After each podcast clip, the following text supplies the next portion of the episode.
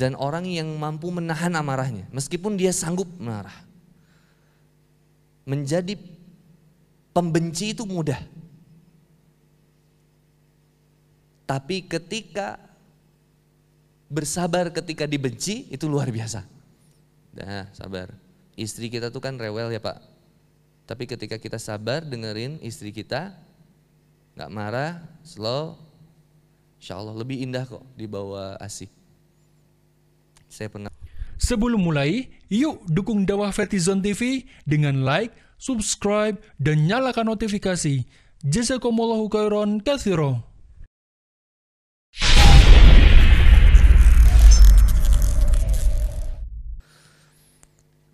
Ingat janji Allah, lalu kata Allah Subhanahu wa taala,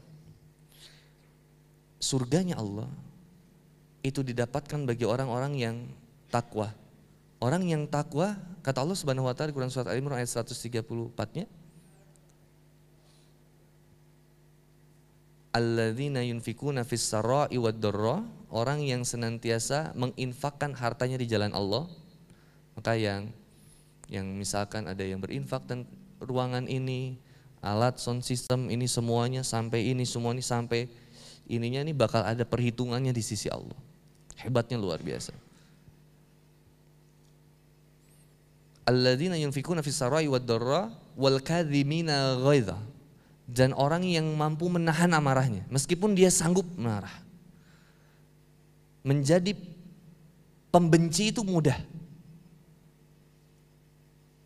Tapi ketika bersabar ketika dibenci itu luar biasa. Nah, sabar. Istri kita tuh kan rewel ya Pak. Tapi ketika kita sabar dengerin istri kita, nggak marah, slow, insya Allah lebih indah kok di bawah asik. Saya pernah punya kisah jamaah terucap suaminya kata cerai ketika marah padahal cuman gara-gara mie yang dimasukin ke saringan, saringannya jebol, masuk ke wastafel. Gara-gara gitu doang jadi panjang urusannya, rame sama istrinya, sampai akhirnya suaminya keucap kata cerai. Begitu ngobrol saya tanya, emang masalah awalnya apa? Jadi gini pap, awalnya saya lagi masak mie. Oh aduh anak bilang, remeh banget sih masalah gitu. Wal kadimin itu. Dan yang ketiganya wa afina nas dan dia mudah memaafkan kesalahan orang lain. Itu berat gak sih kira-kira? Assalamualaikum. Berat banget. Satu, menginfakkan. Harta itu kan kita cinta banget. Makanya kalau ada di Quran itu, pengorbanan itu, jihad itu biasanya awalannya pasti amwal, baru ampus dari harta. Makanya infak berikan yang terbaik. Berat nih, tapi terus dilakukan. Menekan ego, menekan nggak belanja, menekan nggak shopping, menekan nggak melakukan ke hobi, tapi buat dikasih jalan Allah. Kemudian yang kedua tadi nahan marah, yang ketiga memaafkan. Maafin nas, mudah memaafkan kesalahan orang lain. Subhanallah, Masya Allah. Wallahu alam bisawab. Itu dulu yang pengen disampaikan.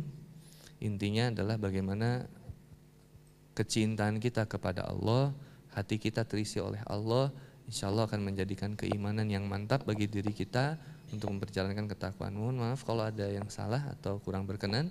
Seandainya ada yang ingin dipertanyakan, ada yang mau e, menambahkan atau ada yang kemudian mau pertanyaan atau pernyataan dipersilakan. Dihitung sampai tiga, satu dua tiga. Terima kasih. Kalau tidak ada, silakan silakan. Diskusi santai.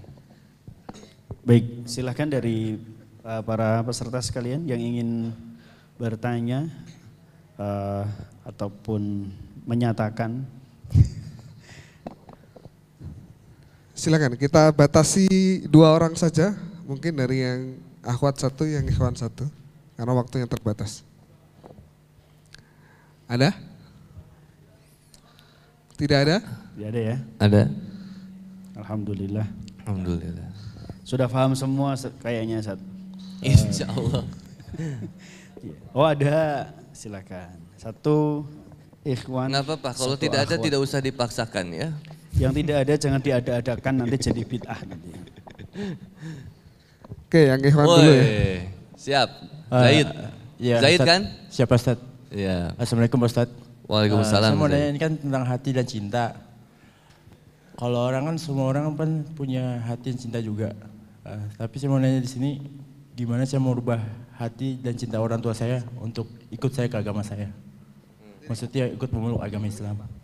Karena saya tahu sendiri, teman-teman juga semua tahu sendiri, orang tua saya ketua pendeta asosiasi eh, Bali NTB NTT. Pikiran saya tuh, saya selalu berdoa sama Allah, pengen orang tua saya tuh ikut ke saya. Maupun apa ya, kalau dipikir orang, ah lu gila lah masuk Islam. Jujur, saya jujur, Pak Ustadz, dulu saya benci Islam. Kenapa saya masuk Islam? Gara-gara azan. Dari rumah saya ke tempat masjid itu sekitar ya 10 menit atau 15 menitan lah.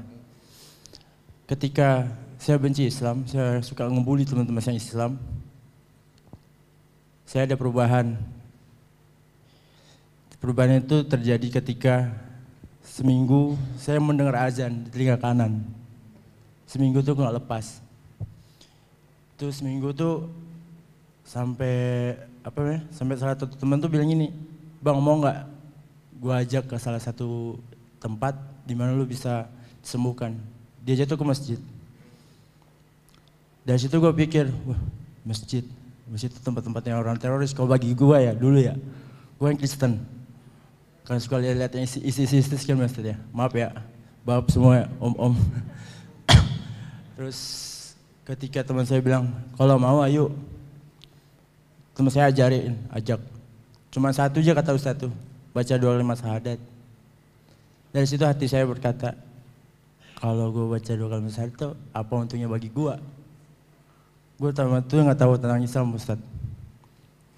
Ketika gue baca, singkat cerita ketika gue baca, ada yang terjadi di hidup gue. Pertama, gue yang sukanya berantem, tawuran, balapan liar, lawan sama orang tua itu berubah semua.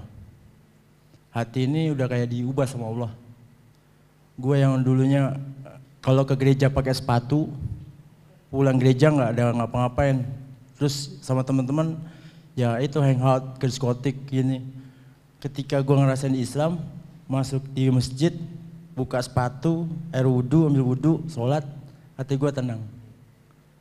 Jadi bagi gue tuh mau nanya sama Ustadz, gimana sih biar hati saya tuh lebih tenang lagi untuk di dalam Allah.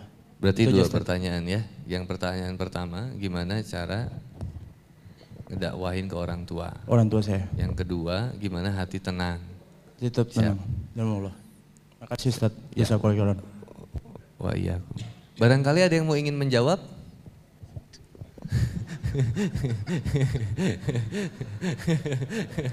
Membantu ya, ya kan. Cek, Ada yang menjawab. Yang pertama, ah, la ikroh hafiddin kota bayana rusdu minal goi famay yakfur bitogut wa may yu'min billahi faqad istamsaka bil urwatil wuthqa. Quran surat Al-Baqarah ayat 256. Tidak ada paksaan dalam mengikuti agama Allah, tetapi sesungguhnya sudah jelas mana jalan kesesatan, mana jalan ketaatan. Maka kata Allah Subhanahu wa taala, hidayah itu hak prerogatif Allah. Tugas kita itu adalah menjadi wasilah, menjadi jalan dan juga sebagai dai ya, mendakwahkan. Cara dakwah yang diatur di dalam Al-Qur'an itu kan banyak. Salah satunya di Quran surat An-Nahl ayat 125 ya. Ud'u ila sabili rabbik bil hikmah wa ma wa ma izatil wa ma wa izat. Ud'u ila sabili rabbik bil hikmah wa ma hasanah.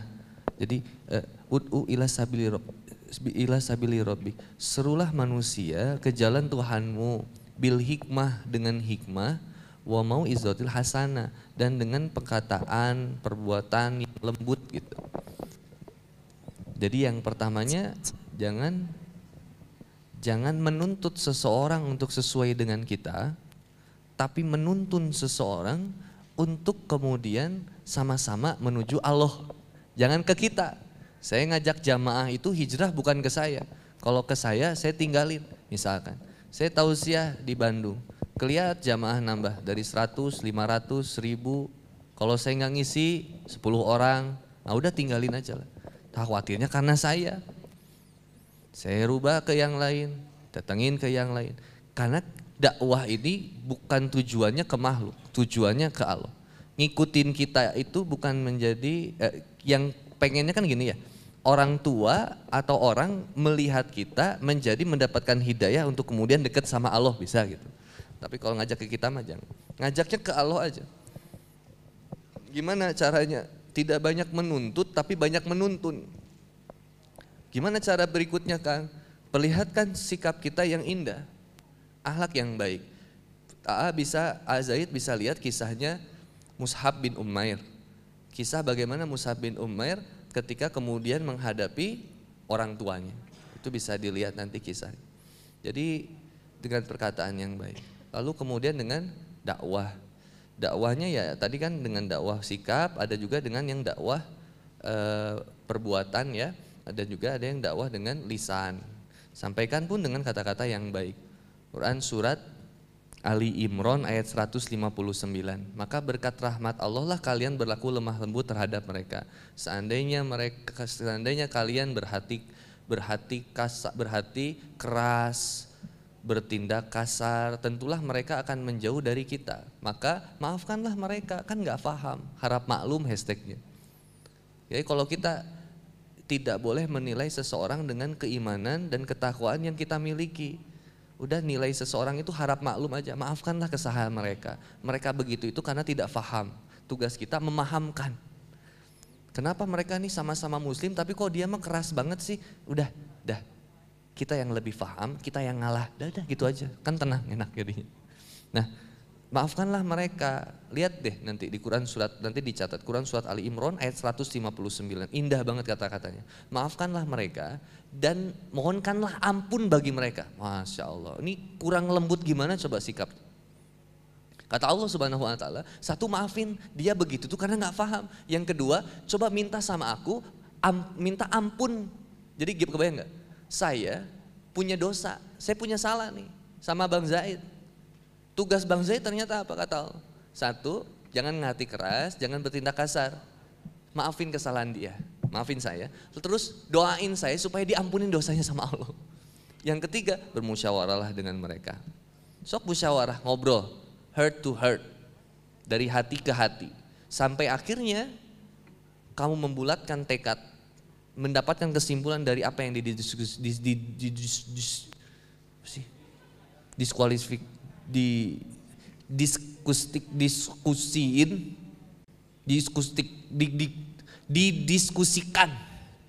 Membulatkan tekad dari apa yang sudah didiskusikan. Udah ketepet nih simpulannya ini maka kemudian fatwakal Allah. Maka bertawakallah kepada Allah. Kalau udah gitu udah serahin lagi ke Allah. Ikhtiar kita segitu. Nanti besoknya coba lagi, coba lagi, terus aja. Pelan-pelan. Masih ingat kisah Hasan Al-Basri rahimahullah yang beliau itu bertahun-tahun nampung kotoran tetangganya yang Nasrani sampai akhirnya kemudian beliau yang Nasrani ini lihat bahwa bocoran dari rumah tang rumahnya yang di atas jadi rumah Nasraninya di atas bocorannya ternyata kotorannya rembes ke rumah Hasan Al Basri. Tapi sama Imam Hasan Al Basri itu ditampung pakai uh, jolang, jolang itu aka ember, pakai ember dan dibuang. Setiap malamnya dibuang dan ketahuan sama Nasrani ketika nengok Hasan Al Basri. Imam Hasan Al Basri kata Imam Hasan Al Basri ini setiap malamnya begini kerjaan saya. Ini sudah sejak lama ternyata ya iya. Kenapa kamu melakukan itu? Gitu. Sampai kata Imam Mas'ud, enggak, saya saya khawatir, eh, saya melukai hati kamu, maka gitu pelan-pelan banget gitu. Sampai ih sabar banget. Akhirnya kemudian masuk Islam. Jadi ada hal kelembutan yang luar biasa. Nah, saya kira itu poin-poin yang utama. Kemudian yang berikutnya adalah ngedoain. Doa juga kan banyak, ada doa-doa yang diijabah. Kayak ketika dari azan ke komat, Kemudian ketika sepertiga malam atau saya sebutnya golden time deh nih namanya waktu emas banget kita buat berdoa sama Allah gitu. Waktu berdoa waktu berdoa yang luar biasa mustajabnya ya bagi saya itu sepertiga. Coba ikhtiarin itu dulu. Jangan sampai kita belum mencoba itu, terus aja kita teh ngarep gitu terus. Dah aja mintanya sama Allah pelan-pelan. Insya Allah Allah bukakan hatinya ya ayah. Sabar aja sama